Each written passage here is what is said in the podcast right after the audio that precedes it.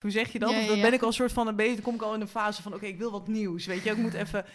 En toen we het spel gespeeld en toen kwamen we thuis. Het is echt heel bizar, want ik liep door de keuken en ik kreeg ineens zo'n ingeving onderweg naar boven van, Ja, ja. er is eigenlijk helemaal geen leuk paardenspel op de markt. Ja, ja.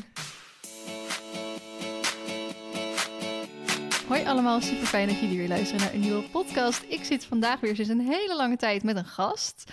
En eh, dit is er gewoon afgelopen tijd niet van, eh, van gekomen. Door natuurlijk alle tv-gerelateerde dingen en zomervakantie en weet ik het wat. Maar tegenover mij zit Elise Ketner. Hallo? Elise, waar kunnen mensen jou eventueel van kennen? Oeh, ehm, van de hoofdstelnummers Mhm. en de vlechttasjes. En ja, nu recent Equiquiz, Ja. het eh, bordspel. Maar misschien ook van de sport, van de, van de paarden zelf, van het Ja. rijden. Waar ik jou van ken, toen we nog evenementen hadden, toen hadden we het evenement ehm, van Equine Business Babes. En daar gaf jij volgens mij toen een presentatie. Ja, klopt. Hippies Ondernemerscafé. Ja, klopt, die ja, was het inderdaad. En toen gaf jij een presentatie en toen heb ik jou leren kennen. Voor de rest, nou, verder geen contact of zo gehad. En toen bracht jij inderdaad het spel uit. En toen eh, nam je met mij contact op. Ja, klopt. Klopt, ja. Ik had, ehm, ik had jou wel gezien daar inderdaad, maar niet, eh, niet gesproken. En ehm, ja, dan moet je natuurlijk toch een marketingstrategie gaan bedenken voor het spel. Hè? Ja. Hoe gaan we het, eh, hoe ga ik het aanpakken? En jij had, nou ja, jij hebt zo ontzettend veel volgers. dus ik dacht, ja, ik. eh, en de doelgroep past, denk ik, dacht ik ook wel bij het spel. Ehm, dus zodoende. Ja. Ja, we gaan straks nog uitgebreid over de producten hebben. Ik wil eerst gewoon graag bij het begin beginnen. Eh, we hebben natuurlijk een beetje gekeken wat op jouw website staat. Want ik kende jou natuurlijk hè, van je producten, maar niet wie jij nou echt bent. Want je blijkt ook gewoon Grand Prix te rijden. ja, Nog, fanatiek nu nog ook op niveau? Ja, Of, Ja, ja, ik heb Ja. wat pech gehad, maar eh, we zijn weer. We zijn er eh, weer. We zijn er weer. Gaan we het straks ook nog over hebben. Ehm, even beginnen bij het begin. Ehm, jij hebt op school gezeten. En welke opleiding heb je gedaan? Ehm, ik heb eerst de HAVO gedaan. En daarna heb ik een, eh, een tussenjaar gedaan, waarin ik eh, vrijwilligerswerk heb gedaan in Costa Rica, onder andere. Ehm, en ik heb gelo- eh, stage gelopen op Academy Bartels.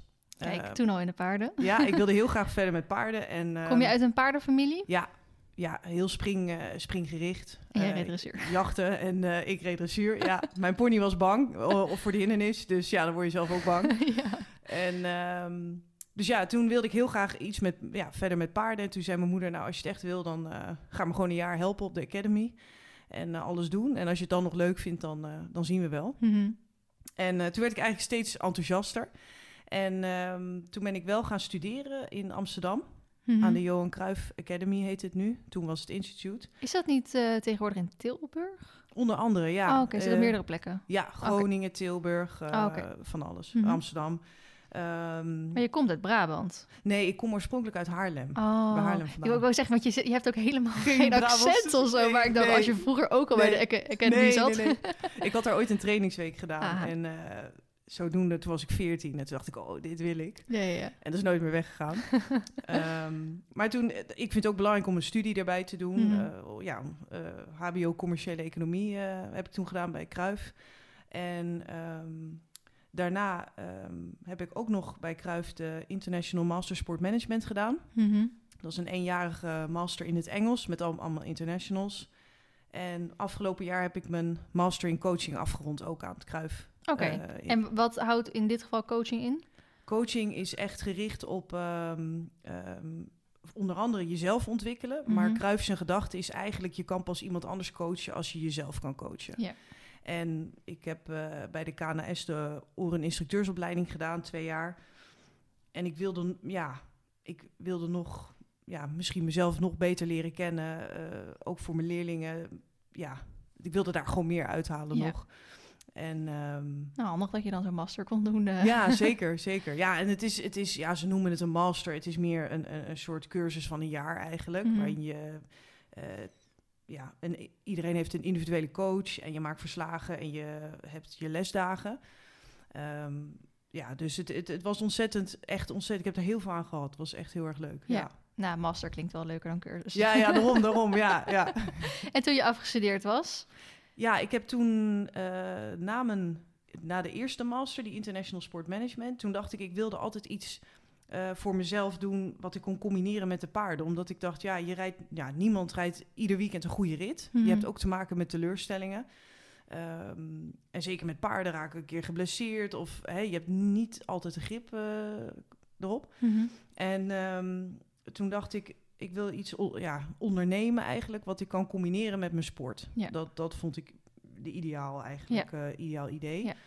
En, ehm, want dat vond ik ook altijd fijn toen ik die studie nog deed. Als ik bijvoorbeeld als het zondag wat minder was gegaan, dan was het fijn. Dan kon ik maandag weer naar college en dan... Jezelf weer coachen. Ja, en dan, ja, ja, maar dan ben je het ook sneller weer kwijt. Helemaal goede vibe weer. Ja, ja, dan you move on. En eh, je kan beter relativeren, laat ik het zo zeggen. En nu haal ik weer energie uit, ook uit mijn bedrijf. Of hè, als, het, als het met de paarden minder gaat, of ook andersom.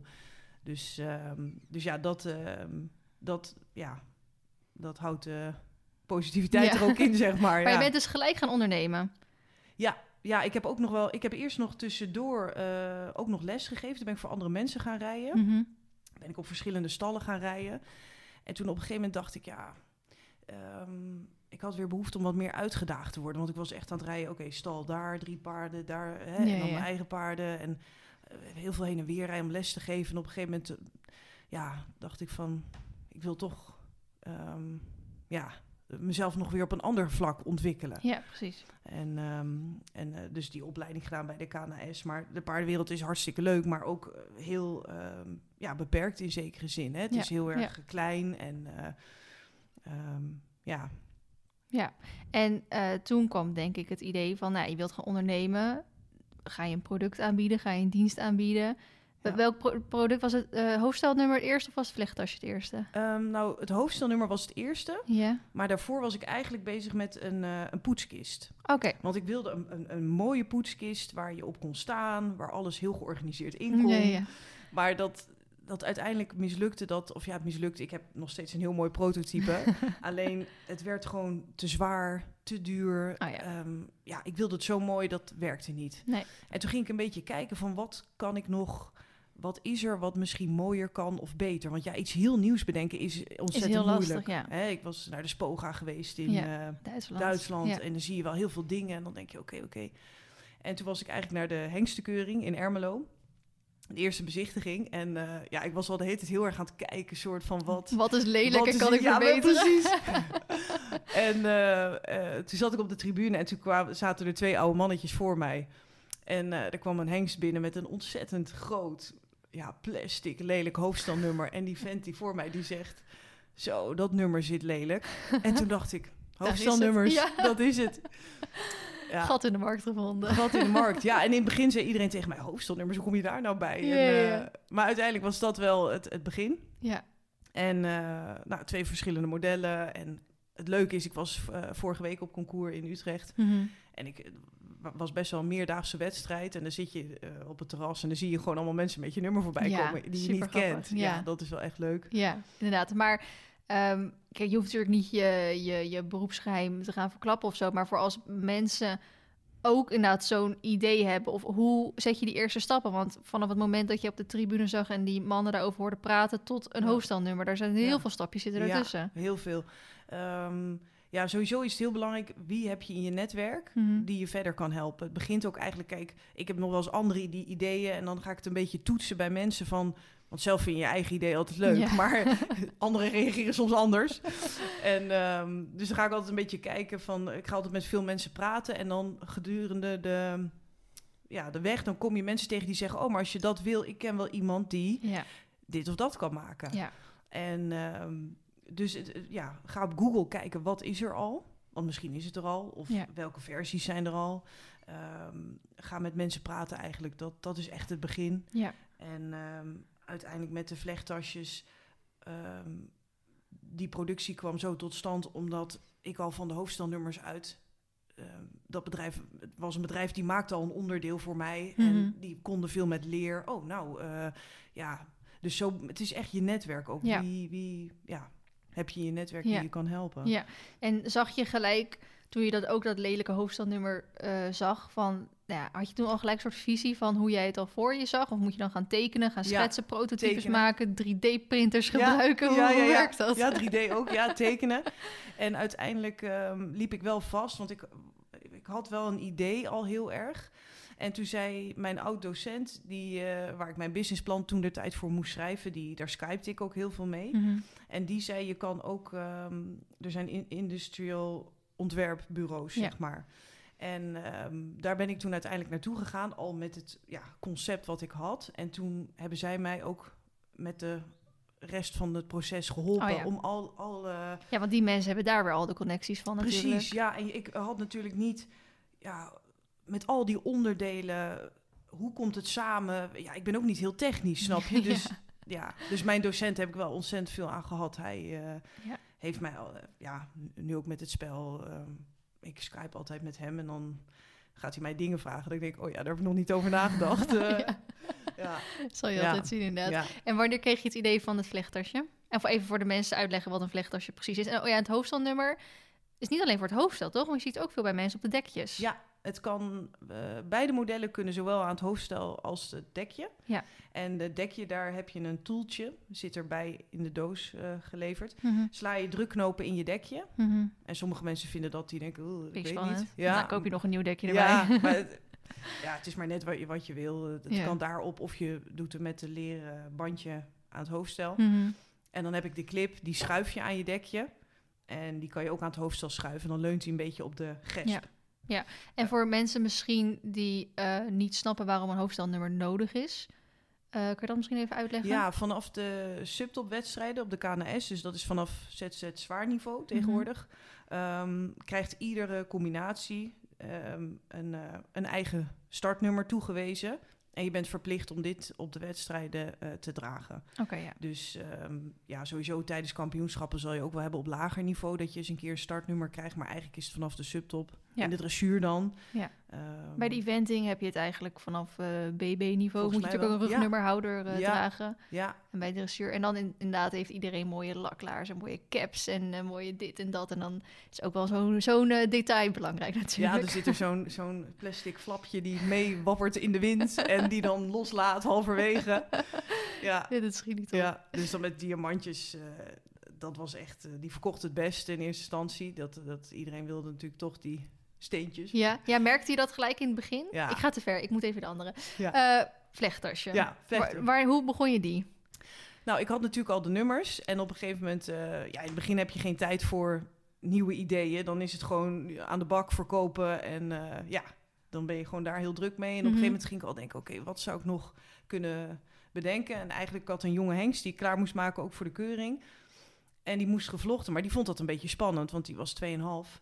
En ehm, ja, ik had iemand die hem vasthield. Maar je zat natuurlijk met die schaar en die Ja, naald, en naald en draad. en- Je zat overal en dan iedere keer als ze iets uit haar jas pakte, dan schrok hij een beetje. En, en toen dacht ik, hé, hey, hier moeten we eigenlijk wat op hebben. Mhm. En ehm, het is niet dat het er helemaal niet, ook niet was. Zo, er, er waren wel hele, hele simpele uitvoeringen. Mhm. Eh, maar toen dacht ik ineens, god, je moet eigenlijk een mooi tasje hebben waar dat in kan. Ja. En eh, zo, eh, ja, Zo was het nieuwe idee zo weer was geboren. een nieuw idee weer geboren. Ja, het begint toch vaak in de praktijk. Ja, weet je, Dat je ergens tegenaan loopt, Precies. iets mooier eh, moet hebben of zo. Ja, Ja. En nou ja, goed, dan heb je dus eh zo'n hoofdstelnummerhouder als eh, het vlechttasje. Dan moet je het nog gaan verkopen. ja, ja, dat is zeker spannend. Vooral als je dan je voorraad Ja. binnen hebt. En dan, eh, Je investering. oh god, dan denk je wel van jeetje. Want ik, ik ben ook wat duurder. Mhm. En eh, omdat het, het is gemaakt in Nederland en geproduceerd. Dus ja, Ja, dan betaal je gewoon hogere prijzen dan je in China laat ja, maken. Dat, natuurlijk zou ik het zelf soms ook liever goedkoper in de markt zetten. Maar dat gaat gewoon niet. Nee. En ook als ik kijk naar wat er wel is en wat dat kost. ehm, ja, kon ik ook niet lager gaan zitten. Mhm. Ehm, maar, ehm, sorry, wat was je vraag? Hoe je het wilde gaan verkopen. Oh. ja. Dus de verkoop ehm, ja, begonnen op alle evenementen. Ik had het geluk dat ik eh, twee mannen kende die eh, Cavalleria Toscana of Toscana Cavalleria verkochten. Ja. Kledingmerk volgens mij. Ja, niet? kledingmerk, ja. En die, ehm, ik mocht bij hun in de stand. Mhm. En dan betaalde ik gewoon mijn zoveel vierkante meter. Ja. En ik ben gewoon in het eerste jaar echt alle evenementen afgegaan die ik kon bedenken. Mhm. op een gegeven moment word je daar ook wat kieskeuriger in. Want Ja. je ziet wel in van, oké, nou ja, hier hoef ik niet te staan. Nee, en precies. als het springen is op donderdagavond, die kopen ook niks. Nee. Je moet het echt hebben van die dressuurmensen. Hè? Dus eh, vrijdagavond hengstenkeuring, eh dan is het echt eh, goed. Ja. Ehm, dus dat was super leerzaam. En ja, online marketing, Facebook advertenties. Ja. Moest je mensen echt nog gaan uitleggen hoe het werkte, wat Ja. de meerwaarde van was? Want inderdaad, zoals je zei, het is een wat duurder product. ja. ja. Moet toch misschien een soort klein investeringje is het dan voor mensen. Dus ja, dan moet je ook misschien een soort overhalen of zo. Van nou, het is het echt waard. Nou, de, de grap is eigenlijk wel... ehm, natuurlijk moet je ze het uitleggen. Hè? Want zeker ook nu, luisteraars snappen misschien nog steeds niet helemaal hoe het werkt. Op, op- Even de website erbij pakken. even de website ketnerproducts.nl. ja. Daar heb ik een filmpje, instructiefilmpje. En ehm, dus inderdaad, in het begin moet je het eh, uitleggen. Maar je merkt ook wel dat die mond-op-mond reclame... dat mensen het beginnen te kennen. Ja. En, ehm, En ik denk ook wel dat zet, het is vanaf zes het zwaar dus eh, nodig. En dat zijn sowieso mensen die ook vaak op wedstrijd gaan, wat duurdere spullen misschien ook Ja. hebben. Dus ik merk zelf met hoe hoger ik ga rijden, hoe duurdere spullen ik wil hebben, of omdat ik het mooi vind, of omdat het ook echt beter werkt. Dus ehm, ja, die mensen vinden dat misschien ook helemaal weer niet veel geld of zo voor zoiets. Ja. Terwijl een B-ruiter natuurlijk wel een hoop geld vindt. Absoluut. Nou, kijk, het is natuurlijk ook veel geld. Ehm, maar je merkt wel heel erg, en dat is nu met, met Equiquiz is dat nu anders. Ik bedien daarmee ook een andere doelgroep. Ja. Dus bijvoorbeeld het tasje, ehm, als dat 10 euro duurder is, ja, als ze het willen hebben, dan kopen ze ze het toch wel ja. Ja. en dat was ook ehm, het duurste hoofdstelnummer is 149,95. En het, dan heb ik 129,95 en de clip is 109,95. Mhm. Maar de, de duurste liep het beste. Ja. Dus toen met het tasje, ik dacht ja, als ik daar ook mee in de ruitersportzaken wil liggen, moet ik ook nog wat marge hebben. Dus ik dacht, nou zet ik het in op, op 89,95. En iemand, ja, er zijn natuurlijk ook mensen die zeggen, is veel te duur. En, maar de eerste avond gooide ik het via mijn Facebook dan Ja. de wereld in. Eerste avond 7 verkocht via de Ja. webshop. Dus dan denk je wel, oh, ja, het zijn gewoon mensen die het willen. dit en toch, dat, eh, dat, dat kan hebben. toch. Ja, precies. En met het spel is het toch anders, omdat ehm, voor die mensen is het, je komt in een andere doelgroep terecht. En die mensen terecht, als er dan nog verzendkosten bij komen, Mhm. ja, is het ook al bijna 45 euro. Ja. Ehm, dus daar moet je ook wel rekening mee houden. Dan kom je op een verlanglijstje en dan kan het langer duren. Ja, precies. Ja. ja, Ja. dat merk ik nu ook. Ik heb toevallig eh, vandaag eh, mijn ketting uitgebracht. Ik eh, zal hem even aan je laten zien. Ik heb een eigen sieraad mogen ontwerpen. Het is, Oh, ik heb er nu twee om, dus ik moet even voelen. Het is deze. Die heb ik echt zelf mogen ontwerpen. Het is een paardenhoefje met een blaadje erin. Mooi. En eh, die kost nu, de zilveren versie kost 55 en de gouden versie 65. En dan zit je inderdaad ook een beetje, wel iets lager dan jouw product bijvoorbeeld, maar ook voor mijn doelgroep toch inderdaad voor een verlanglijstje. Ja. En eh, nou, hij, is, hij komt ruim op tijd voor Sinterklaas en kerst en zo, want hij is nu in de pre-order. Ehm, komt hij eh, te koop. Ehm, maar dan merk je wel van ja, waarschijnlijk ga je dan pas meer verkopen dan misschien bij een lancering of zo. Absoluut. Ja. Ja. ja. Grappig hoe Ja. dat zo. eh, Nog even over eh, eh, je verdere marketingstrategie. Eh je hebt op evenementen gestaan. Nou, er komt een webshop bij. Gaat het dan op een gegeven moment gewoon lopen? Of moet je er echt toch nog gewoon regelmatig hè, advertenties of wat dan ook Ja. voor gebruiken? Nou, ik zeg altijd, voor niets gaat de zon op. Niks gaat vanzelf in het leven. Nee. Nee, het, het, het is, ehm, er zijn weken dat ik, dat ik echt orders binnenkrijg. Dat ik denk, oh, hè, door, dan hoef ik er in één keer eh, twee weken minder aan te doen. Mhm. En dan denk ik weer, oké, om nu mijn target te halen, moet ik nu weer even een advertentie doen. Ja, Of, eh, ja. Maar ik zit er in principe sowieso altijd wel eh, bovenop eigenlijk. En doe je ook gewoon zelf de website, dus dan ook het inpakken, de orders Ja, verwerken? ja. En, Ja, het blijft toch speciaal. Iedere keer als je weer een... ik krijg dan via Molly, het betaalsysteem, Ja, ja, ja, een ja. sms binnen. Ja, dat, is, dat geluidje is toch een soort van... Dat heeft een soort... Ja, dat is zo verslavend. ja, En, heerlijk is eh, dat. Ja, dus eh, nee, en ik heb een, ehm, een speldistributeur in Heerhugowaard. Mhm. Daar ben ik eh terechtgekomen ook weer via het bedrijf wat me helpt met het leer van de tasjes. Mhm. En die hadden mij geadviseerd om naar hem toe te gaan.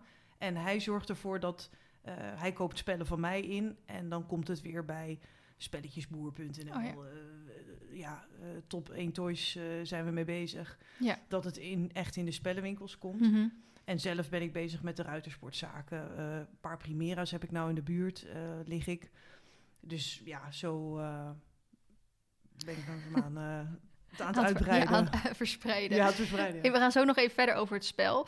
Maar ehm, met je andere producten, dus de, de andere twee, heb je ook een paar keer product van het jaar eh, prijs gewonnen. Ja, Vertel. Ja, dat was eh, de Horses Product van het Jaarverkiezing. Is een verkiezing eh, die wordt uitgeschreven door IJsma Media. Mhm. En ehm, dan kan het publiek kan stemmen op het favoriete product. Mhm. Uh, alle producten die ingezonden worden, die worden ingedeeld in een bepaalde categorie. Uh, stal en verzorging, uh, harnassement, kleren, hè, Ja. al die dingen. Ja. En met het hoofdstelnummer deed ik toen mee. En, ehm, Moet je dan jezelf opgeven of gaan mensen, kunnen Ja. mensen jouw soort opgeven? Ja, je geeft jezelf eigenlijk op. Het is eigenlijk een soort eh, marketingcampagne. Eigenlijk kan je opgeven met je product. Oh, Oké, ja. En dan ehm, kom je in ja, Bit, magazine. ehm, ja, er zit een soort bijlage met dat blaadje bij, waarin, Mhm. eh, waarin al die producten staan. Dan kunnen mensen erop stemmen. Ja. En je moet het zelf, is er een jurydag, dan moet je het product presenteren. Ehm, en dat weegt ook heel zwaar. Dus Ja. hoe presenteer je het? En eh, ja, ik, mensen hadden mij geadviseerd van, joh, dat moet je doen. En in het kader van marketing, ja, je wil zoveel mogelijk mensen Bereiken, Ja. ja. En ehm, dus toen heb ik het ehm, heb ik meegedaan. Toen werd ik het eerste jaar eh, eh, product van het jaar in de eh, categorie Verzorging? eh, zadelkamer en Oh, overige. Ja. Ja. En toen dacht ik het tweede jaar, toen had ik, eh, heb ik niet meegedaan. Mhm. Want toen was ik gewoon heel druk met verkopen. En ik dacht, eh, ja, Maar ik- kan je, ik twee keer keer met het, ja, kan je twee keer met hetzelfde product meedoen? Of? ja, alles kan. Maar of je dan wint, dat is de vraag. Dus Ja, ik dacht, ik doe nu even een jaar niet mee. Ja, ja. En toen tweede jaar had ik het tasje. En toen werd ik ook in de categorie zadelkamer en overal of zoiets, won, won ik daarmee. Mhm. En toen het derde jaar, toen had ik de prints ingevoerd. Snake print en alles. Oh, ja. Maar dat was eigenlijk ehm, wel leuk, want toen had ik het helemaal niet verwacht. Toen dacht ik, ja, dit is gewoon ehm, mijn marketingcampanje. En, Ja. eh, maar toen vonden ze de presentatie schijnbaar heel erg leuk. Ja, ja. En iedereen natuurlijk De rest, gemotiveerd wa- om de rest was ook heel slecht. nou, er zitten altijd wel hele goede producten bij, moet ik zeggen. Het is altijd wel een leuke, leuke avond met ondernemers. En Ja. Ja. super leerzaam ook weer. ja, tuurlijk. Om in Ja. zo, maar ook weer, ook weer voor je netwerk, toch? Absoluut. Om absoluut. zoiets mee te doen. Ja, ja, en je merkt ook wel daarna... Er waren winkels, zeker met de tasjes, van nou, we wachten er nog even mee. Mhm. En nadat je dan die award hebt gewonnen, dan is het ineens van... eh, oh ja, we willen graag toch bestellen. Of eh, dat merk je dan ook wel. En het leuke is ook wel dat er klanten gaan vragen in de winkel. Oh ja, heb je Heb je het? Oh nee, dat hebben we niet. En ik denk, nee, dat wilden jullie niet, hè? Nou wel, hè? Ja. Dus dat is altijd wel, ja, dat is wel even een soort hoogtepuntje. Ja, precies. Ja, ja. Nou, de hoofdstelnummers en het eh, vlechttasje, dat eh, hadden een eh, ja, plekje verdiend. En toen dacht je, ga nog een product maken. En dat was dus het spel. Hoe ben je daar dan op gekomen? Mm, Nou, het was met kerst 2019. Mhm. Uh, mijn zus woont in Amsterdam. En ik ging met mijn ouders uh, naar mijn zus toe. En we gingen scrabbelen. Ja, zoals dat dan gaat hè, Ja, met ja. kerst. En, ehm, en toen zaten we in de auto terug. En ik was, dan zet ik soort van mijn ehm, sensoren uit. Hoe zeg je dat? Ja, dan ben ik al soort van een beetje... Dan kom ik al in een fase van, oké, ik wil wat nieuws. Weet je, ik moet even... En toen we het spel gespeeld. En toen kwamen we thuis. Het is echt heel bizar. Want ik liep door de keuken. En ik kreeg ineens zo'n ingeving onderweg naar boven van... Ja, ja. Er is eigenlijk helemaal geen leuk paardenspel op de markt. Ja, ja. En ja, ik vind het leuk om mensen iets te leren, kennis te delen. Mhm. En eh, toen dacht ik, ja, het, eh, een paardenkennisbordspel of zo. Ja. En dan vertel ik het altijd even tegen niemand. Ga ik even twee Ja, weken ja. erover nadenken. en op een gegeven moment ging ik het delen. En toen waren mensen ook wel heel eh, enthousiast. Mhm. En ehm, ja, zo uh, Zo is het geworden. Ja. Ik vind dat altijd zo grappig, want daardoor merk je vaak toch wel dat iemand gewoon in hart en nieren zeg maar een ondernemer is. Want je loopt, ik, ik heb dat met video's bijvoorbeeld, dat mensen vaak zat een YouTube kanaal beginnen en dan maken ze drie video's en dan weten ze gewoon niet meer wat ze moeten filmen. Nou, ik heb al tien jaar eh, zit ik op YouTube, er zijn al honderden video's online en ik heb nog steeds honderden ideeën, omdat ik ik loop Ja. over straat, ja. ik doe boodschappen, ik zit in de auto, Ja. ik praat met iemand, ik weet ik zit op de wc, ik scroll over Facebook, weet ik het wat. En ik heb zo tien nieuwe ideeën. ja En dat is bij jou dus ook zo. Ja, ja en ik, je moet wel ook de... mm, Ik merk wel dat ik ook de rust moet hebben in mijn hoofd om tot die ideeën te komen. Want bijvoorbeeld nu zeggen ook veel mensen tegen me... oh, je hebt zeker nog allemaal ideeën. En ik heb wel ideeën, Mhm. maar ik merk op het moment is het gewoon heel druk... ook met andere dingen. Ja. En, en ja, mijn hele garage staat vol eh, met, met die spellen. Dus Ja. die, die moet je gewoon eerst weg. ja, precies. Voordat ik weer mijn... Ja, ruimte Ehm, heb. Om, Ja. om eh, ja, Ja. te voelen van, oké, wat... Ja, eh, ja. Nou, ik had dat met... ehm, wij hebben in april dan dat huis gekocht.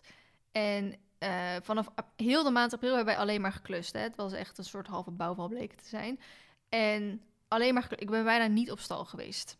Toen, eh dus mijn verzorgster die nam het over, maar ik moest ook veel heen en weer rijden en zo. Toen 1 mei ging ik de paarden verhuizen, want ik dacht, ja, ze moeten gewoon hierheen, want dan kunnen wij daar ook gaan slapen en dan kan ik het allemaal gewoon gaan regelen. Ik had nog niks, ik had nog geen bak, ik had helemaal niks, alleen een weiland. En wel dan nog stallen. En ik ging weer een stal uitmesten voor het eerst sinds anderhalve maand ongeveer. En ik werd me toch overspoeld met ideeën in één keer allemaal. Dat ik dacht, jee, ik heb die gemist. Ja, ja, ja. ja. Omdat je dan weer een soort van dat, dat rustmoment in je Ja, hebt dat is het. Net als een lange autorit of zo. Dan Ja, heb je dat vaak ook. eh, Ook, ja. Ja, en het is eh, soms ook ehm, verandering van omgeving. Ja. Ik doe het ook heel veel altijd. Al ben ik in een andere stad of even in het buitenland. Omdat je dan die rust Ja. eh, ineens hebt en denkt van, goh, ja. Maar goed, dan heb je het idee. Ja, En dan moet je het nog officieel gaan maken. Ja. Want ik denk dat, je, dat jij en ik en heel veel andere mensen vaak zat een idee hebben. Maar dan zie je honderd verschillende, hoe zeg je dat, krokodillen op de weg. ja, ja, beren. Beren ja. op de weg. Ja. Eh, maar ja, hij staat hier naast ons natuurlijk. Eh, je hebt het toch voor elkaar gekregen. Dus Ja. hoe gaat dan weer zo'n traject van dat je het in de, in de gang tijdens kerst zeg maar Ja. bedenkt? En wanneer ga je tegen de eerste persoon vertellen? Tegen wie ga je het vertellen? Ja. En, en hoe vind je inderdaad de mensen die hiermee gaan helpen? Ja, ja met, met, ehm, in eerste instantie vertel ik het altijd wel aan mijn ouders. Mhm. Want die zijn eh, eh, in positieve zin eh, kritisch. Ja. En die waren wel meteen allebei heel enthousiast. En het idee was eigenlijk, ik dacht een beetje, je hebt Trivial Pursuit. Dat is ook met vragen, dat spel. Mhm. Dus ik had gegoogeld, hoeveel vragen heeft dat spel? Ja. Nou, dat waren er 1200 in zes verschillende categorieën. Dus zo ben ik begonnen. Oh, oké, 1200 vragen in zes verschillende categorieën. Maar ik wilde het ook heel graag goed doen voor iedereen. Dus ik wilde mensen die eh, op de manege rijden of recreatief en nog niet zoveel weten tot aan de professional. Ik wilde dat iedereen het spel kon spelen. Ehm, maar daarmee maakte ik het voor mezelf ook heel moeilijk, omdat ehm, ik, mijn eigen kennis zat soms in de weg. Mhm. Want dan had ik bijvoorbeeld een middag aan die vragen gewerkt en dacht ik, zo, dit was inhoudelijk een goede dag, joh. Ik heb echt lekker, lekker, ja, lekker gewerkt. Ja.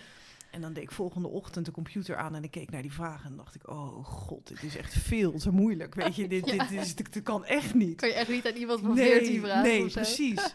En ehm, dus dat was wel ehm, de, de, de struggle. Mhm. Maar ik heb gewoon, eh, ben begonnen inderdaad met die vragen.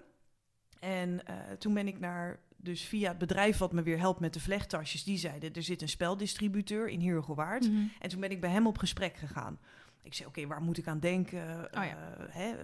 En eh, hij zei, nou, ik zie er wel wat in. Want Mhm. er zijn eigenlijk geen paardenspellen. Ja. Ja. je hebt een, een, een paardopolie. Maar, ja, precies. dat De is. Monopoly-versie eh, Ja. van de paarden, ja. En ik wilde een beetje kwalitatief dat het, ja, een beetje een, een mooi spel Ja. ook. En ehm, dus hij gaf me daar wat tips. En ik vroeg, weet je, een tekenaar? Want ik had ook natuurlijk een tekenaar nodig. Mhm. En ehm, nou, hij zei, die weet ik zelf ook niet. Dus eh, als je er een weet, laat maar weten. Maar je kan naar Haarlem, daar zit eh, het Spellenhuis. Mhm. Een, een grote spellenwinkel. Dat is een half café. En voor de, voor de ene helft een café en voor de andere helft een, een winkel. En daar ben ik toen meteen naartoe gereden. En die man had een kaartje in de kassa liggen van een tekenaar. Oh. En dat was Frederik van de Bunt. Mhm. En ja, we hebben echt ontzettend fijn samengewerkt. En, ehm, ik vind het echt prachtige tekeningen zijn het, absoluut. eh, dank je, ja. Het zijn mijn eigen paarden die eh, die, die, eh, die, die getekend heeft. Dus Oh, dat, is- dat maakt het extra leuk. Ja. Maar ehm, dus ik had met hem al de tekeningen. Toen hebben we, ik denk met kerst 2020, ging het met de familie spelen. Nou, dat is altijd vrij heftig, want dan krijg je alle, ja, kritiek. ik noem het feedback, maar het was kritiek. Positief bedoeld, maar de vragen waren droog en de spelling was niet goed. En oh god, het was allemaal te lang. En Ja, ja. ja, maar dat, ja, het, je moet het incasseren, want uiteindelijk helpt het je wel. Ja. En ehm, eh, toen heb ik ook weer via via iemand die ik kende, die is eh, freelance tekstschrijfster. Mhm. En zij heeft mij, eh, Joska Muller heeft mij fantastisch geholpen met de, de, de spellingcheck. Mhm. Alle vragen, deetjes, steetjes, ja, Ja, ja. noem het maar op, want dat is ook nog een eh, ding. En zelfs zie je het niet meer. Je Nee, leest ergens zes keer overheen. En, en Ja. iemand anders ziet meteen van, hé hey, god, eh, dit moet een T zijn. En, ehm, Ja, maar ik heb dat met, wij hebben in november vorig jaar heb ik een boek uitgebracht. En ik heb het zo vaak opnieuw gelezen. En degene die mij heeft geholpen, heeft het opnieuw gelezen. En we kregen dat, eh, nou, het moest ook vrij snel weg. Het moest op tijd voor Sinterklaas en kerst zo zijn. En ehm, ik kreeg hem, zeg maar, terug. En toen dacht ik, je, en eh, ik had toen een nieuwe stagiair, die was is echt zo'n grammar-nazi. Dus zij ging dat boek voor mij door. En er waren zoveel fouten zaten erin, dat ik dacht, holy shit, hoe heb ik hier overheen kunnen lezen? Maar je ziet het gewoon niet meer. Je ziet het niet meer. Nee. Nee. En we hebben, eh, ehm, we hebben daarom nog een maand extra heeft het gekost, omdat wij overal meer. En zij deed dat echt als vriendendienst, hielp ze me daarmee. Mhm. En uh, daar had ik echt ontzettend veel geluk bij dat ze me daar zo wil bij, bij wilde helpen. Ja. En um, uiteindelijk ben ik gaan kijken, oké, okay, um, uh, de tekenaar heeft me ook nog geadviseerd van ik zou dit niet doen, want dan gaat het te veel op dit spel lijken. Oh, of ja. hij is natuurlijk helemaal in die spellenwereld. Ja. Hij tekent eigenlijk voornamelijk uh, fantasy. Mhm. Um, hij heeft echt wel mooie spellen um, meegewerkt. Um, dus ja, dus daarin en, en vooral thuis heel veel testen met mensen. En die zeggen, god, het is leuk als je... Bijvoorbeeld mijn vader kwam met uh, de prins op het paard. Als je Oh, die erin doet en die Ja. komt dan wat brengen. en uh, zo probeer je, ja, met z'n allen probeer je het zo leuk mogelijk te maken. En um, uiteindelijk had ik uh, vooral de vragen. Ik had dan 1200 vragen. Dus 600 heel makkelijk, 600 heel moeilijk. Ja. Maar het maken van die kaarten was het duurst. ja, klopt. En uiteindelijk, ja, je wil ook niet dat die mensen een rammend lange doos krijgen met... Dat is ook angstaanjagend, hè? Al die Mhm. grote stapels uh, kaarten. dus mijn moeder zei ook, je moet veel minder, veel minder. Nou, en uiteindelijk heb ik uh, alles samen gedaan, makkelijk en moeilijk. Mhm. En heb ik het een beetje makkelijk, matig, moeilijk. Ja. En, en ja, 60 vragen per categorie Ja. in plaats van 100. Ja, ik had uiteindelijk heb ik zoveel vragen weg moeten gooien, maar... Ja. Um, Nou ja, je kan altijd, ja, ook ka- kaarten maken zijn wel duur, nou, maar je kan zo'n extensie vaak uh, ook nog, ja. maken, weet je wel. Ja, ja. Ja, we hebben, ik weet even niet meer de naam van het spel, het heeft een moeilijke naam, maar die heeft inderdaad ook, daar krijg je een x aantal kaarten bij en dan heb je nog 30 verschillende extensies die je kan kopen als je ja, dat vaak speelt, heb je die vragen of die dingen op een gegeven moment wel gehad. Ja, ja. Maar kaarten, want ik, ja, een vriendinnetje van mij, of tenminste iemand die ik ken van Instagram, die uh, heeft heel veel uh, bekende paarden van Instagram, heeft ze getekend met de hand, of geschilderd, op van die spelkaarten. Zo'n, uh, gewoon zo'n, hoe noem je dat? Gewoon, ja, waar de koningin en de koning en een joker en zo. Pestkaart, ja. ja. Um, en toen zei ze ook, ja, dat is duur hoor, om, ja. om dat te, te laten dat maken. maken. Ja, dat was het duurste aan het spel. Ja, en, bizar. En, um, dus het, het, was echt moeilijk, want je in de Kill Your Darlings, hè, neem afscheid van de vragen Ja. die oh, je denkt, oh, deze is zo leuk, die moet erin. Ja. En, en nog steeds vind ik het spannend als mensen het spel spelen van, zijn de vragen niet te moeilijk? Want ja, nogmaals, mijn eigen kennis zat wel in de weg. Ja. En um, ik heb meisjes van 13 hier gehad, van een vriendin van mijn dochter. En uh, echt vragen, vinden jullie te moeilijk? Of vragen weer wegstrepen. Ja. En, uh, maar ik vind het juist wel grappig, want je hebt ook zo'n vraag ertussen zitten. Volgens mij was dat, hoe heet die zwarte Shetlander van Penny? En dat, dat, kan je zien als een kinderachtige vraag. Maar aan de andere kant, bijna elk volwassen paardenvrouw... die heeft ook of een abonnement op de Penny vroeger gehad. Ja. En dan is het in één keer een soort nostalgie. Ja. En dan, oh, weet je nog, rakker van vroeger, Ja. maar weet je wel. Dus zo is het toch wel heel uh, leuk. En wij vinden het heel leuk om met uh, mijn vriend of met iemand anders... die niet heel erg in de paarden zit, maar wel hè, iets heeft misschien... Want die kan je weer een soort van iets leren. Of het is juist heel grappig om het hun te zien gokken. En Ja. dan zeg ik altijd, nou, onderbouw het dan Ja, eens, ja. En dan ga ik helemaal stuk om die antwoorden. Ja, en dat is ook leuk dat je het uiteindelijk met uh, ook de, vriendin, de vriend van een vriendin van mij, ja. die weet wel iets, maar niet veel. Hè? Hetzelfde als in jouw geval. Ja. En uh, op een gegeven moment toen was hij dus aan het winnen, omdat hij dan Ja, op één ja. uh, bepaald punt komt Ja. dat het dan een soort van verplicht ruilen is. En we horen nu nog dat hij, uh, dat hij meer weet. Dus, uh, Nou, precies, dat gebeurde er bij ons ook inderdaad. Ik deed dan met mijn vriend en met een vriendin van mij, wat vroeger mijn stagiair was, maar zij zijn vriendinnen zeg maar geworden. En nou, ik kan wel zeggen dat ik van ons de meeste paardenkennis heb. Nou, mijn vriend denk het minste en zij zeg maar tussen ons in, want zij heeft ook een verzorgd paard. En mijn vriend die won gewoon. Want ja, het is ook echt inderdaad een spelelement zit erin. Uh, waardoor je inderdaad onderdelen van elkaar kan stelen of kan ruilen Ja. of elkaar gewoon lekker kan nakken, zeg Ja, maar. ja, ja, ja, ja. je moet wel een beetje tegen je verlies kunnen als je dit spel speelt. En die won gewoon. Nou, dat horen we inderdaad ook nog weken later. Van, ah, maar ik heb het Equiquiz-spel gewonnen. Ja, ja, ja, ja. Ja, dat, uh, ja dat, dat was ook een beetje mijn bedoeling. Dat het ook leuk is uh, um, voor mensen die minder van paarden weten... dat je toch nog een beetje door de, op, de dat er niet alleen open vragen zijn... dat je ook Ja. een beetje kan gokken. Of, Ja, precies. En, ja. um, Ik vond het grappig, want er, er zitten echt wat moeilijke vragen tussen. Hè?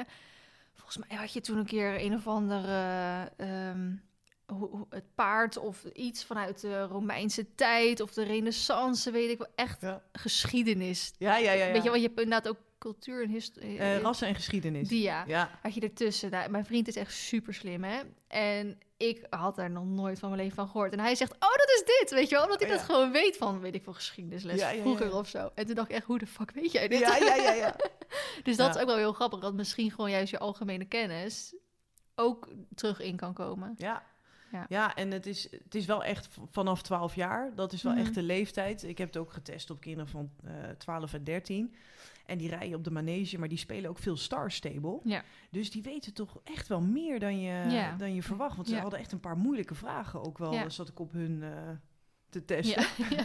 En toen dacht ik, oh oké, meevaller, meevaller. Maar ja, dat, en dat blijft, ook al is het uit en heb, weet je wel, ze- zei iemand tegen me, joh, je verkoopt het en dan is het toch goed. En, maar je wil ook graag dat die mensen eh, het leren. echt leuk Ja, vinden. precies, en dat, dat, het, hè, dat het niet te moeilijk is. Dus het blijft altijd, oh, hoe vond je het? Weet je, je Ja, wil toch dat, het, ja, dat, het, dat die mensen het ook echt leuk vinden. ja. Dat, ehm, ja, Ja, ja. Eh, misschien moeten we heel even kort vertellen wat het spel nou eigenlijk precies is. Want we hebben heel veel soort van dingen gedaan. Maar eh, ik zit even ernaast kijken. Als je het ziet, dan is het eigenlijk een renbaan. Dus het is een ovaal, hè, een soort cirkel. En op elk eh, vakje, net zoals dat je bijvoorbeeld bij Monopoly of bij Ganzenbord of zo zeg maar een vakje hebt, eh, zit een afbeelding op. Eh, dat, even om het even makkelijk te zeggen, dat ehm, kunnen een van de zes afbeeldingen zijn. En dat categorieën. categorieën. Dat kom je, als je dan hè, die dobbelsteen gooit en je gaat lopen en je komt op een categorie terecht, dan moet je dus bij passend bij die categorie dus een kaart pakken. En daar staat inderdaad een vraag op met eventueel antwoord. En dan zitten er nog een paar dingetjes tussen. Inderdaad, eh, Prins op het Witte Paard. ehm, nou, nog wat. Een, een, eh, die Gemaskerde paard. gemaskerde paard en een eh, stal. Droomstal, ja. Droomstal, inderdaad. Nou, dat betekent dus dat je dus verplicht soort van kan ruilen van onderdelen. En volgens mij als jij dus heel veel onderdelen hebt en ik heb er maar één of zo, dan moet je gewoon ruilen en dan heb je Ja. er niks over te zeggen. Dus Ja, dat is ja, heel frustrerend soms. Ehm, dus zo is het gewoon heel leuk inderdaad. Je bent constant bezig met leuke vragen eh, stellen. Je eh, kan inderdaad echt dus een eh, competitie soort van een beetje ervan maken. Je wordt er fanatiek van. Ja, ja, ja, ja, ja. We hebben ook, ik heb het van de zomer heb ik altijd eh, eh, YouTube weekje noemen dat met heel veel meiden dat we dan een soort ponykamp zeg maar houden. En toen zeiden die meiden ook van oh kom we gaan dat spelen, ben super benieuwd. Nou we hadden echt bij de ruzie aan het einde. het was zo grappig eh, gewoon. Dus nee, het is echt een eh, echt super vet. Ja. Ja, en door het goed beantwoorden van de vragen, eh, ja, oh ja. daar verdien je winstpunten mee. Ja. Net als eigenlijk dat, dat winstpunten kwam ook uit de, uit de basissport. Of ja. überhaupt uit de sport natuurlijk. Dat je winstpunten kan je promoveren. Ja. Maar met die winstpunten ehm, kan je droomstalonderdelen kopen. Ja. En wie het eerste de zeven verschillende droomstalonderdelen heeft verzameld, die heeft gewonnen. Ja, dus dat een, is een stal, dat is een paard, tuig volgens mij, Ja. een paddock, een Wei. weiland. Ja, Mm, en de stal zelf. Ja, volgens mij zit je er dan op inderdaad.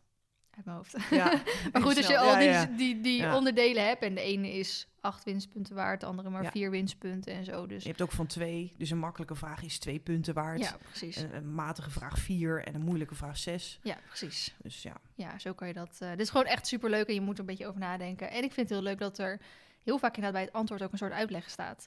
Dus dan leer je inderdaad gelijk eh, waarom het dat antwoord is. Ja. En dan leer je er ook echt gewoon nog wat van. Ja. ja, dat was ook de bedoeling. Maar soms was ik een beetje te lang in mijn antwoorden. Dan wilde ik mensen te veel meegeven. Ja. Dus kreeg ik thuis ook weer te horen van veel te lang, veel te lang. dit kan niet, weet je. Ja. En ik dacht, ja, maar ik wil zo graag dat mensen dit snappen. dus ja, dat... eh, En waren er nog ehm, speciale punten waarvan je dacht, dat wil ik er echt per se in? Want ik wil echt mensen, dat, dat mensen daar meer bewust van worden. Of dat je ze toch een beetje probeert te sturen. Of, eh, ehm, nou, ik vond met eh, voeding en gezondheid... mhm. Dat vond ik best wel een belangrijke categorie. Ehm, ook door dingen die ik zelf had meegemaakt in de praktijk. Dat ik dacht van, oh ja, dit, ehm, ja, dit, dit, dit is wel echt goed als ze dit weten en meekrijgen. Ehm, ja, over ruwvoer bijvoorbeeld vond ik wel echt een heel belangrijk eh, Ja. eh, onderdeel. Dat je het paard 's ochtends eigenlijk eerst ruwvoer geeft voordat je brok voert. Mhm. En dat dat gewoon de belangrijkste basis is voor een paard. Gewoon goed ruwvoer. Ja. Eh, veel weidegang, beweging. Ehm, ja, je ziet nog wel eens hè, op verschillende stallen... dan vinden ze het wel prima als hij er niet zoveel uitkomt. Of ik heb hem toch gereden. Mhm. Dat soort dingen. Ja, paarden staan in de vrije natuur. eh, bewegen iets van 11 tot 16 uur per dag. Mhm. Dus ja, als je hem dan eh, drie kwartier in een paddock zet... Ja. Ja, dat, het is al iets dan niets, maar ja, dat... Dat kan gewoon niet meer deze tijd. Nee, nee. En ehm, eh, ja, bij sport en recreatie wat dingen. Of ook maar bij geschiedenis. Dat ik dacht, ja, dit is gewoon een beetje... het is goed als je dit weet. Ja, hè? Dat, precies. Ja, ik heb er heel veel van geleerd. Oh, leuk, leuk. ja. Ja. Ehm, jij, eh, dit spel is nu drie maanden uit, uit Eh, juni. Juni, Begin ja. juni, ja. zoiets. Ja. En ik denk dat jij ook wel baalt dat jullie niet op evenementen kan staan. Ja, zeker. Dat Ja. is wel een beetje de bedoeling, denk ja, ik. want ik zou naar Horse Event gaan. Ja. En dat was wel echt zuur dat dat, ehm, dat, dat niet doorging ook. Mhm. Ehm, maar goed, zo probeer je wel creatief te blijven om toch op andere manieren wel je, je omzet te halen en, en, en de verkoop te doen. Ja. Maar eh, ja, dat, eh, dat is zeker even anders. Ja. Ja. Precies. En betekent dat dat je nu dus weer wat tijd in je hoofd hebt om over nieuwe producten na te denken? Of is het inderdaad van, nou, eerst inderdaad wat je zei, het spel, eh, de voorraad moet er eerst uit en dan pas gaan we over iets nieuws nadenken? Ja, ook qua investeringen moet ik gewoon echt eerst... deze voorraad moet er gewoon echt een heel eind uit zijn. Ja.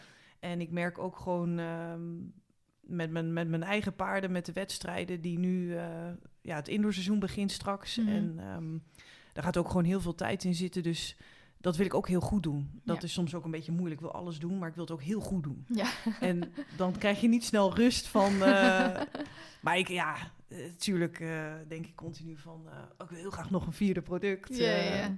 ja, want je hebt nu drie producten. Is dat echt jouw fulltime baan? Nee, nee ik, eh, ik combineer het ook met lesgeven. Oké, ja. Ik geef ook best wat les. En Je hebt oren 4, toch? ja, Ja. ja. Is dat tot, ja, ik, ik heb geen idee hoor. Tot hoe hoog mag je dan lesgeven? Of mag je ook tot Eh, Grand Prix lesgeven? Nou, ik ben begonnen met die ehm, instructeursopleiding ehm allround. Moest ik Mhm. ook springen. Dat was toen, ja, die niveaus zijn ook een beetje veranderd. Ik weet Mhm. niet hoe dat nu zit, maar dat was niveau 2. En dan, eh, toen ben ik eh, doorgegaan naar echt specifiek dressuur wedstrijdsport. Mhm. Volgens mij is dat, ja, lichte tour en eventueel meer. Mhm. En dan heb je coaching 5. Dan gaat het echt meer over de topsport. Dat komt dan daarna. Maar ik, ja, nee, dat... eh, dat ik- trekt jou niet. Of... Jawel, jawel. maar het, het punt is, ehm, ja, je kan niet alles tegelijk. En ik had nu die master in coaching Mhm. afgerond. En ehm, ja, Ja. je moet keuzes maken daarin. Ja. dus je geeft de rest van de week eh, lekker les. eh. Les en soms, eh, als het op mijn pad komt, wat handel. Oh ja. Ehm, Hoeveel paarden heb je nu zelf? ik heb er nu twee en ik heb één jaarling. Oké. Dus ehm, En zijn dat allebei topsportpaarden? Of Ja. is de een jong nog? Of is de... nee, de ene is 16, die loopt Grand Prix. Oké, ja. Die is een tijdje niet fit geweest. Mhm. Maar ik heb hem nu weer opgegeven. Dus dat is in ieder geval spannend. en die andere is 9 en die loopt lichte tour. Oké, ja. En die ben ik aan het klaarmaken voor de Grand Prix. zijn wel mooie leeftijden. Dat jij gewoon met je 16-jarige nog Grand Prix rijdt. ja. En met negen nog geen Grand Prix. Want dat is soms ook een beetje een discussiepunt. Dat sommigen met acht al Grand Prix Ja. lopen. En die denken ook, nou, die zijn al kapot als ze elf zijn. ja, hoeft niet natuurlijk. Nee, maar het is wel, ehm, je merkt ook wel op de social media van. Ehm, dat het wel een ding is als hij een bepaalde leeftijd heeft en hij loopt al dat. Eh, sommige mensen zien het als negatief, anderen vinden het juist van, oh, eh, we zijn nu al hier. Ja, Daar hij leert snel. eh, Ja, het is wel, ehm, je denkt dan wel eens van, oh, hij is negen, moet hij niet al, moeten mijn eners niet nog wat meer Ja. bevestigd? En dan denk je, nou, rustig aan. ja. Maar hij kijkt kijk gewoon wat hij zelf aangeeft en ehm, Ja, goeie. goed naar je paard luisteren en voelen. En Ja. ja, ja als hij er klaar voor is, is hij er klaar voor. En ik heb zijn, ehm, van die negenjarige heb ik dan uit dezelfde moeder zijn broertje eh, Mhm. gekocht vorig jaar. De view zo goed, dus... eh, Ja, dat beviel zeker goed. Ja, dus ik heb meteen in het paspoort gekeken wie zijn de fokkers. Dus dat is wel, eh, dat is dan een beetje toekomst. Ja. En, ehm, en dan is het, want dan heb je er drie eigenlijk. Is dan de bedoeling wel dat er eentje weggaat? Omdat je zegt, ik doe af en toe wat handel? Of... Nou, ik heb mijn eigen Grand Prix paard, ehm, die ik voorheen had, die heb ik verkocht. Mhm. En ehm, ja, dat is nooit een makkelijke keuze. Nee. Maar ik had alles ermee bereikt wat ik er mee wilde bereiken. En ik vond het op een gegeven moment niet meer fair om er nog meer van te vragen. Ja. En hij had nog best wel een leeftijd dat hij iemand anders ook nog heel blij kon maken op een lager niveau. Mhm. En het kost gewoon veel. Ja. Zo is het ook gewoon. Ja. Ehm, dus eh, ja, daar konden we toen nog heel mooi geld voor krijgen. En, ehm, en een heel goed huis. Ja. Dus eh, ja, dan, je moet ook keuzes maken om, om verder te komen. En goed, die 16-jarige, die heb ik altijd gezegd, die gaat nooit meer weg. Ja. Want daar heb ik zoveel mee meegemaakt. En die is, ja, dat is een hele aparte in, in, in zijn doen en laten. En, eh, maar ik zeg nooit, ik verkoop hem niet. Want dat heb ik wel geleerd door de jaren heen. Soms is het ook beter voor het paard of voor jezelf. Of ja, je probeert het beste voor Ja. beide te doen. En, ja, maar soms wat er op je pad komt of eh, precies, iets. ja. Maar aan de ja. andere kant, als, als deze 16 is, Laten we hopen dat hij nog heel lang meegaat natuurlijk. ja. Maar dan is het misschien wel de, het veulen straks, eh, of de jaarling, een mooie opvolger. eh. Absoluut. Ja, dat zou zeker mooi zijn. en zo heb je een mooi, mooi rijtje zo in 16, 9, 1. Ja. als ik ga kijken, dan denk ik, oh, hij kan me niet snel genoeg groeien. Nee, dan denk precies. ik echt, oh, schiet. Maar hij wordt groot genoeg. Ja, ik ben zelf 1,84, dus ik ben aan de lange kant. Ja, precies. En, maar ik weet ook wel, ik heb door de jaren heen echt wel veel pech gehad. Ook veulens die niet gezond bleken, te klein. Oh ja, ik durf dus echt geen veulen te kopen. Oh, ik, het, is, pff, het is wel echt een risico. Ja, Ja, het, lijkt me fantastisch, ook om te fokken. Ik heb een ruin, dus dat kan niet. Maar dat, eh, ik durf er echt geen. Ik heb ook zo vaak nu gewoon om me heen gehoord van meiden van mijn leeftijd die wel een veulen hebben gekocht. En die dus nu drie of vier zijn en aan het beleren. En dan lopen ze ergens tegenaan en zetten ze hem op de foto en dan is het niet goed. Ja, ja. Dan denk ik, nou sorry, maar dat durf ik niet Nee, hoor. nee het, het- uiteindelijk is het wel het beste om gewoon dan met een driejarige te beginnen. Mhm. Die dat hele traject al gehad heeft. En ehm, oké, ik vind ook soms moet je risico's nemen. Ja, tuurlijk. en deze kwam wel... En ze zijn wat meer betaalbaar hè, dan als ze drie zijn. Ja, ja, absoluut. En ik heb ook wel geleerd dat je ehm, moet kiezen voor een, een, een veulen wat uit een lijn komt die ook be- een bewezen gezonde lijn. Ja. Hè, waar broers en zussen, dat, ik bedoel, een paar jaar geleden dan dacht ik van nou ja, hè, eh, volgens mij is het dan wel goed. ja. Maar dan kom je erachter van, hmm, eigenlijk heeft hij ook weinig broers en zussen die wat doen of eh, in de Mm. sport. Of, eh, ja. En nu met dit veulen, ja, dat is dan een halfbroer van mijn, eh, mijn eigen, of eh, mijn andere. Mhm. En die heeft ook weer zussen en broers die het goed doen. En ja, Ja, dat is niet helemaal garantie, meer, maar je eh, hebt ja, iets meer. Ja, ja, iets minder risico inderdaad. ja, en het blijft altijd, ja. Ja, Er meer paarden. risico is er niet. Dus God, hij hoeft maar buiten te lopen. En, of op stalkant ook gebeuren. Overal kan gebeuren absoluut. natuurlijk. Ja. Hey, ehm, jij was 14 toen je academie hier tra trainingsweek eh, weekend deed. Hoe ben je daarna dan verder? eh, er zitten een hele hoop stapjes ook weer tussen voordat je Grand Prix rijdt. ja, ja, absoluut.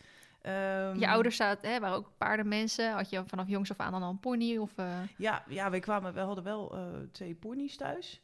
Mijn opa en oma, dat waren ook echte ondernemers. En die hadden ook een ehm, manege voor gehandicapte kinderen. Een Oh, ponyclub eigenlijk. Een ponyclub voor onder andere de, hè, de kinderen uit het dorp, maar ook voor gehandicapte kinderen. mhm. En dat deden ze er eigenlijk naast hun eh, professionele business. Dat Mhm. deden ze erbij omdat ze dat leuk vonden. Ja.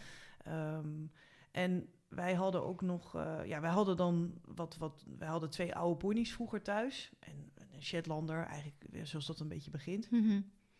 En ik, ik vond het eigenlijk steeds leuker worden. Maar mijn moeder had zoiets van, nou, ik kijk even aan of je het, hè, als je in de puberteit komt. Ja, en daarna ja, of je het niet dat je, ja, niet dat je 18 bent en een mooi paard gekocht en die staat achter in de tuin. eh, gebeurt, ze- t- gebeurt te vaak inderdaad. Absoluut. Dus ehm, ehm, toen heb ik een, mijn moeder die reed zelf op een eventer. Mhm. En dat was een KWPN'er en die kon ook wel een beetje dressuur lopen. En daar ben ik gewoon mee in de B hè, Oh begonnen. En ik was eigenlijk steeds fanatieker. En ehm, ja, op een gegeven moment eh, hebben we een, een serieuzer paard gevonden... waar ik wat meer mo- mo- ja, mogelijkheden mee had, waar Mhm. ik meer mee door kon groeien. En met hem heb ik uiteindelijk alle stappen naar de Grand Prix eh, gezet. dus alles eh, ja, leren, piaf, passage, eners. Best moeilijk als je helemaal niet weet Ja. hoe dat moet voelen natuurlijk. Ja. Ehm, en ik heb bij de, je hebt natuurlijk de junior en de jongrijders, de jeugdwedstrijden. Ik heb wel meegereden, maar Mhm. het was meer meerijden. Ehm, omdat ik had niet dat paard wat perfect was voor in het team, zeg maar. Ik had Mhm. een heel fijn paard, maar niet... ehm, ja, er waren gewoon anderen die beter waren Ja. ook gewoon. Maar uiteindelijk denk ik vaak dat dat wel het perfecte paard is om het mee te leren en Ja. daar te komen. Want eh, ze noemen die toppaarden wel eens hè, de Ferraris eh, onder de paarden. En jij rijdt niet zomaar met een Ferrari weg. Die paarden zijn heel vaak gewoon heel moeilijk te rijden. En tenzij jij er al heel veel ervaring hebt of heel veel verschillende paarden rijden, dan kan je daar goed mee wegrijden. Ja, Maar het is meestal niet echt aan te raden om met zo'n paard te beginnen. Dan liever Nee. met eentje die gewoon stabiel is. En dan zal die niet 70, 75 procent rijden. ja. Maar hij brengt je wel op dat Hij brengt- niveau. Ja. ja, en uiteindelijk is het ook wel die, ehm, die, die goed in de kop zijn. Ja. Dat je die, die brengen je in het verst. Op een Ehm, fijne manier. Op een fijne manier, ja, dat is ja. het belangrijkste. Nou, en je moet ook niet vergeten om onderweg nog eh, te genieten. En dat kan Ja. ik nu veel meer dan vroeger. Mhm. Ehm, omdat vroeger dan heb je natuurlijk veel ambitie en dan wil je ook meedoen. En mijn moeder remde me wel af daarin, want die vond het allemaal een beetje circus. En die dacht, ja, het is allemaal leuk, maar het gaat erom dat je uiteindelijk gewoon heel goed leert rijden. Dat, Ja. dat is uiteindelijk het meest ultieme. Ja. En, ehm, en daarin, nu kan ik veel beter relativeren ook. Je wordt natuurlijk ook ouder. Ja. En natuurlijk heb ik nog heel veel ambitie, maar ja, ik geniet er heel erg van een goede training met Tineke. Of eh, ook als die 16-jarige vorige week hele fijne les. Ja, daar kan ik een week op teren. Weet je, dan denk je echt, oh ja, we worden nog beter. Ja, Ja, daar gaat het steeds, uiteindelijk dat je geniet van je paard. Of je nou recreatief rijdt of topsport. En ik denk dat alle mensen in het Nederlands team dat eh, ook kunnen beamen als je daarmee praat. Uiteindelijk gaat het om het plezier wat je hebt met het paard. En iedere dag ermee bezig zijn. ja. Dat, ja. dat, ehm, Maar hoe ben jij hier dan terechtgekomen? Want je komt oorspronkelijk uit Haarlem. Ehm, ben je met je ouders mee deze kant op gekomen? Of ben je voor Academie Bartels hierheen gekomen? ja. Wanneer heeft dat plaatsgevonden en waarom? Nou, ehm, ik studeerde in Amsterdam. Mhm. En, ehm, en ik reed heel veel heen en weer. Want ik trainde op de Academy, dus ik reed, eh, reed al heel veel heen en weer. Mhm. En op een gegeven moment, ja, toen was ik afgestudeerd en toen was ik een jaar lang voor andere mensen aan het rijden. En toen was ik op een gegeven moment heel veel heen en weer aan het rijden. Mhm. en toen dacht ik, ja, wat wil ik nu echt? Dacht ik, ja, ik wil eigenlijk gewoon echt heel goed leren rijden. Ik wil echt goed worden, maar dan moet ik wel ergens een basis hebben, want het is echt slopend zoveel in de auto. Ja. En toen dacht ik, nou ja, goed, iedereen ging in Amsterdam wonen natuurlijk, als je in Haarlem zit. Toen ging ik in dit boerenrug in Hogermierde zitten. En eh, ja, mijn ouders zeiden ook, weet je, als het niks is, dan Kom je weer terug. kom je weer terug. Ja. En eh, nou, zodoende. En, Hoeveel jaar zit je hier nu? ehm, maart 2016, dus vijf jaar. Oh, oké. En ik ben wel iedere week eh, nog wel een keertje in Haarlem. Mhm. Of eh, in het weekend een keer. Of eh, ja, even naar de bewoonde wereld, zeg maar. Ja, nou, nou, je het veel vol. Want sinds Ja. ik ben... Ik, ben, ik kom oorspronkelijk uit mijn sluis. Dat ligt bij Rotterdam. Dus ik kom ook echt uit de stad. En ben toen eerst naar Ede verhuisd. En toen naar... Dus dat was ook nog wel een stad, maar dan wat oh, iets meer naar het oosten. En toen naar Loenen verhuisd. Dat was een dorp met 3000 inwoners. ook echt een beetje zo'n gat.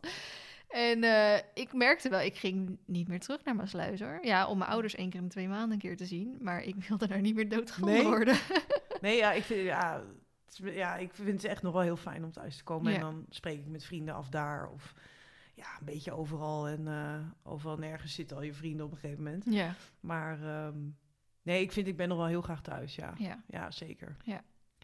En wie, van wie heb jij ehm, de jaren les gehad? Of wie zie jij als voorbeeld? Of wie jou heeft, heeft jou echt geholpen om een betere ruiter te worden? Ja, dat is, dat is toch wel Tineke Bartels geweest. Ja. Ik kwam daar, toen was ik 18. En toen ben ik na tien jaar eh, naar Ankie geweest. Naar Ankie van Gunsven, twee jaar. heel veel geleerd. Maar uiteindelijk ehm, paste dat niet helemaal bij mij. En eh, ben ik teruggegaan naar Tineke. En zeker na zo'n uitstapje realiseer je je van... ja, ik heb toen ook gezegd... ik wil echt nooit meer iets anders. Nee, zij is echt voor altijd... eh, ja, en zij heeft mij helemaal opgeleid van... ik reed Z2, denk ik, toen ik kwam. Mhm. Tot aan ja, alle moeilijke stappen eh, die je moet zetten... om naar het hoogste niveau te komen. Ja. En eh, ja, de manier waarop zij omgaan met de paarden en, en ehm, ehm, topsport benaderen, ehm, dat is wel, vind ik heel mooi. Dat, Ja. ja. Ja, nee, ik ben daar vorige maand, twee maanden geleden nog geweest. Inderdaad, eh, vanuit eh, ons management om inderdaad een eh, rondleiding daar te krijgen. En het is buiten dat het een prachtig terrein was, vond ik het inderdaad ook heel mooi hoe ze het vertelden, hoe het management ging. Hè. Zoals jij ook al eerder had gezegd, dat ze, dus tegen mij dan, voordat we de podcast gaan opnemen, vier keer per dag ruwvoer. En Ja. ze komen er veel uit. Ja. is wel echt... ja, dat, dat paardenwelzijn is echt, staat heel hoog in het vaandel. En ehm, dat, ja, ik vind dat het uiteraard natuurlijk ook heel erg belangrijk. En Mhm. je ziet ook wel eens dat mensen het vaak doen op een manier waarop het voor hunzelf ehm het prettigst is. Ja. Maar je moet het natuurlijk doen, hoe is het voor het paard het prettigst? En eh, dat doen zij in mijn beleving daar echt eh, voor 200 procent. Ja. Dat, eh, ja, iedereen die daar werkt, heeft dezelfde visie. En ehm, ja, het is echt een, een groot voorrecht om daar iedere dag te mogen zijn. Ja. En wat zijn jouw doelen verder? Want is het, is het doel om op een gegeven moment je eigen stal te beginnen, paarden aan huis, of wil je juist je onderneming uitbreiden? Hoe eh, heb je het al? Heb je überhaupt zelf een idee wat je wil gaan doen? Oeh, ja, het is moeilijk. Ik heb paarden aan huis. Kijk, vroeger hadden we, toen ik thuis woonde, hadden we de paarden aan huis. En ik weet heel goed hoe fijn het is, Mhm. maar ook eh, hoe intensief. Hè, je moet altijd in je achterhoofd houden als je weggaat. Oh, eh, ze moeten vanavond gevoerd. Of, hè. Ehm, wie weet ooit, ik zeg nooit nooit. Ehm, maar voor nu ehm, is het ja, de combinatie zo van mijn bedrijf en, en lesgeven en de paarden is Is prima. is prima. En ik, ja, ik droom van een wereldbeker rijden. Dat, dat zou mijn ultieme... Ja, ik ben niet voor niks hier gaan wonen Ja, ja. natuurlijk. Dus eh, Dus dat is wel echt, echt je doel. ja, als ik... Al, kijk, eh, droomdoel, eh, zeggen ze, vind ik heel moeilijk om uit te spreken altijd. Maar heb ik geleerd Ja. bij de coaching. Leer om je droom Ja, uit te ja. Kijk, Aken, CAO Aken, dat is het Wimbledon van de paardensport. Mhm. Dat is ieder jaar in Duitsland. Fantastisch concours. Ja. Als ik daar ooit Dat was eh, afgelopen weekend, toch? Ja, Ja. ja. Toen Dinja en... ja, toen Diane van Lieren die, eh, die won eh, Ja. de eerste dag. En eh, ja, dat is, dat is, ja, daar ga ik al heen sinds ik elf ben. Mhm. Ieder jaar, we slaan Als eigenlijk... toeschouwer. als toeschouwer, Ja, ja. uiteraard. Ja, ja, ja. Dus hopelijk op een dag dan... maar ook ja, een wereldbeker en het team. Het is natuurlijk moeilijk om, om, om... Alles moet meezitten. Je moet een beetje geluk hebben. ja. het moet allemaal net samenkomen. En ehm, dat, dat zijn wel de, ja, een wereldbekerij. Ik denk dat ik dat ooit, ja, dat is, dat is, dat is wel een soort doel. Ja. En eh, Aken, dat is een droomdoel. Ja. En voor de rest wil ik gewoon, mijn ultieme doel is gewoon heel goed rijden. Weet Ja. je, dat mensen je zien en zeggen, zo, zij kan echt goed. Weet je, dat, Ja. dat ze denken van, god, die... Nou, dat ja. vond ik ook fijn met eh, eh, Jessica van Werndel, heet zij toch? Die. Olympisch goud heeft gewonnen. En toen ik haar kuur zag, toen dacht ik ook echt, die kan goed rijden. Ik ben blij dat zij gewonnen heeft, Ik zeg ook. maar. Ja, ja, zeker. Ja, ja. want als, ja, eerlijk is eerlijk, er rijdt ook een hoop mensen waarmee waarvan ik denk, nou, waarom Ja. rijden die daar? Ja, en als, het- als die dan zouden winnen, dan denk je echt, ja, dan gaat er toch iets fout. Ja. Ja, Jessica, die, het is alsof ze niks doet. ja. Het is fris, het is nieuw, eh, heel vriendelijk. ja. En dat is denk ik ook waar het naar, naartoe gaat en naartoe moet. ja. En ehm, ja, heel positief. Ja. Ja. maar is topsport dan wel te combineren met een bedrijf, een onderneming? Ja, eh, Moet je niet gaan kiezen op een gegeven moment? Ja, ik weet niet hoeveel ja, dat tijd zal, iets... ja, de tijd, misschien in de tijd eh, kom ik op een punt heen. eh hè, Adelinde Cornelis was natuurlijk eh, docent. Mhm. En die, ehm, die reed met Parsifal ook mee op niveau. En uiteindelijk ging dat ook niet meer. Mhm. En ehm, nu zat ik zelf laatst ook te denken, één dag in de week in het onderwijs werken lijkt me ook wel leuk. Op een Mhm. soort hbo, paardenhouderij, Ja, iets. ja. Of, eh, maar dan ga ik weer allemaal dingen. Ik denk, oh, ik moet niet te veel verschillende dingen Ja, gaan doen.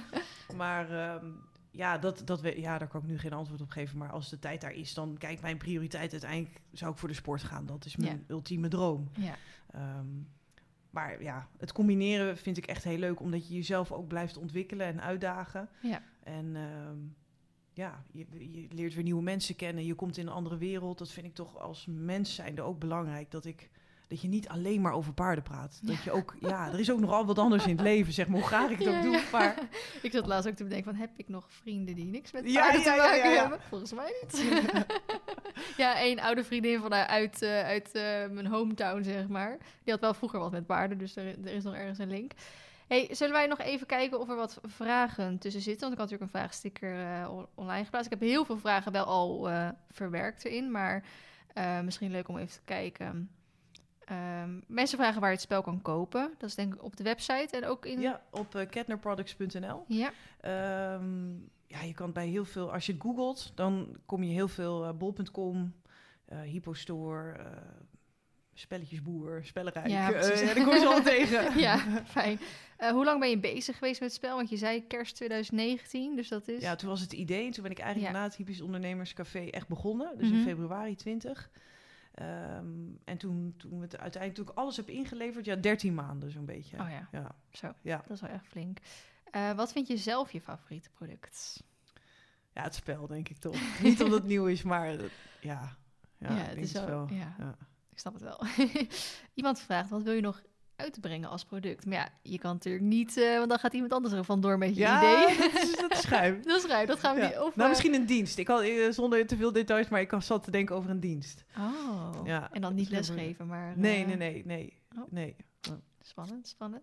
Um, hoe is het om op Grand Prix niveau te mogen meerijden?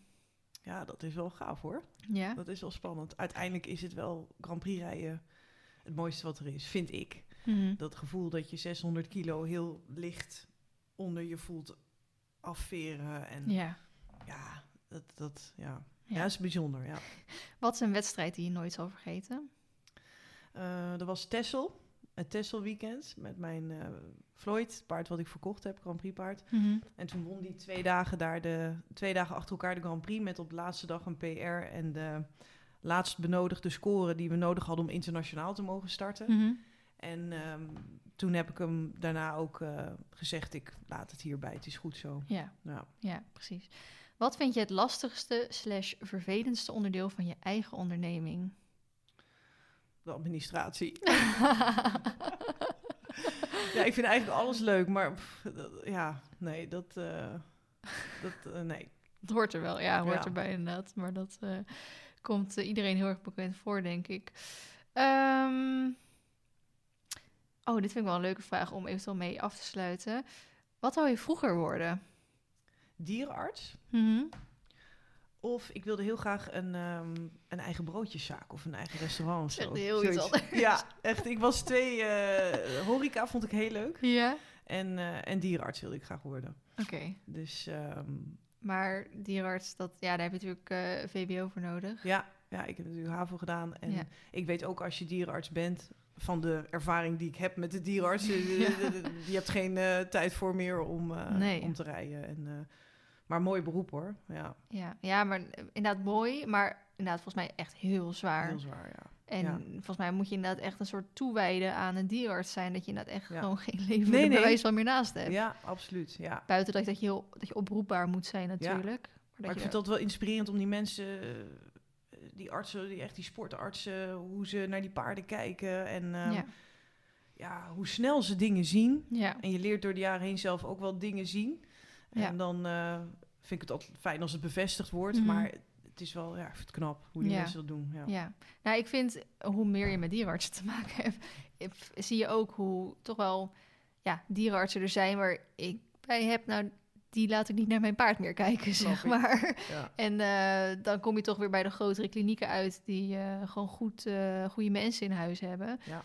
Maar ik heb bijvoorbeeld een, een dierenarts waar ik met mijn, met mijn katten en met mijn kippen bij zit. Weet je wel, dat is helemaal prima voor dat. Maar die Ja. hebben ook officieel, zijn ze voor de paarden. En dan kom je daar aan en dan is inderdaad wel een verharde longeercirkel. En dan is er ook een zachte longeercirkel, maar die waar meer gras bij staat, zeg maar.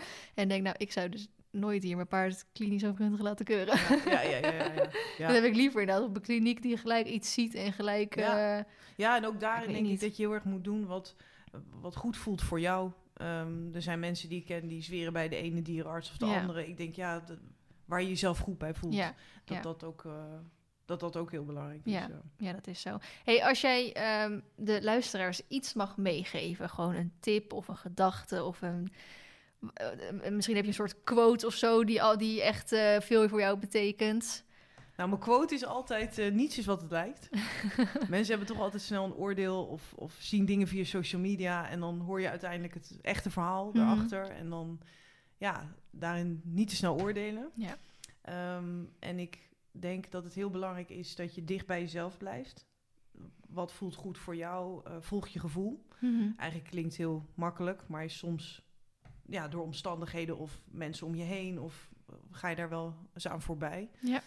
Ehm, ja, blijf dicht bij jezelf en ehm, sta open voor eh, feedback en kritiek van anderen. Ook ongewenste adviezen.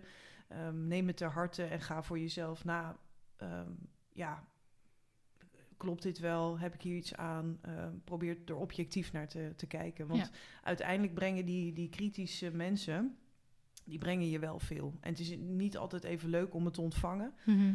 Maar ik heb wel geleerd dat uiteindelijk willen die jou alleen maar helpen om het eindresultaat, wat dat dan ook mag zijn, eh, beter te maken. Ja.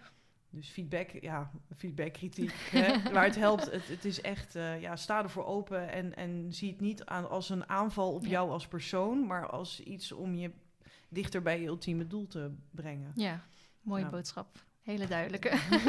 nou, ik wil je heel erg bedanken voor deze podcast. We zijn een uur bezig. Ik weet niet of je door had dat we zo snel weer er doorheen Oh, ja. gingen. ik had op een gegeven moment zag ik eh 20 minuten staan. En toen dacht ik, nou, we zitten al best wel ver in het verhaal. Hoe ga ik nog 40 minuten vol krijgen? Maar eigenlijk ging dat heel Ging erg heel natuurlijk. Jij praat gelukkig ook lekker makkelijk, dus dat scheelt altijd een hele hoop. Als mensen jou willen volgen, eh, waar kunnen ze dat doen? Eh Kettner Quality Products op Instagram en Facebook. Of eh Elise Kettner 89. de geboortedatum, eh, geboortejaar. precies. Eh, op Instagram en Facebook kan je hem ook vinden. Dus, Ja, eh, leuk. Nou, ja. heel erg bedankt. En voor de luisteraars, ik spreek jullie volgende week weer. Doei doei! Doei.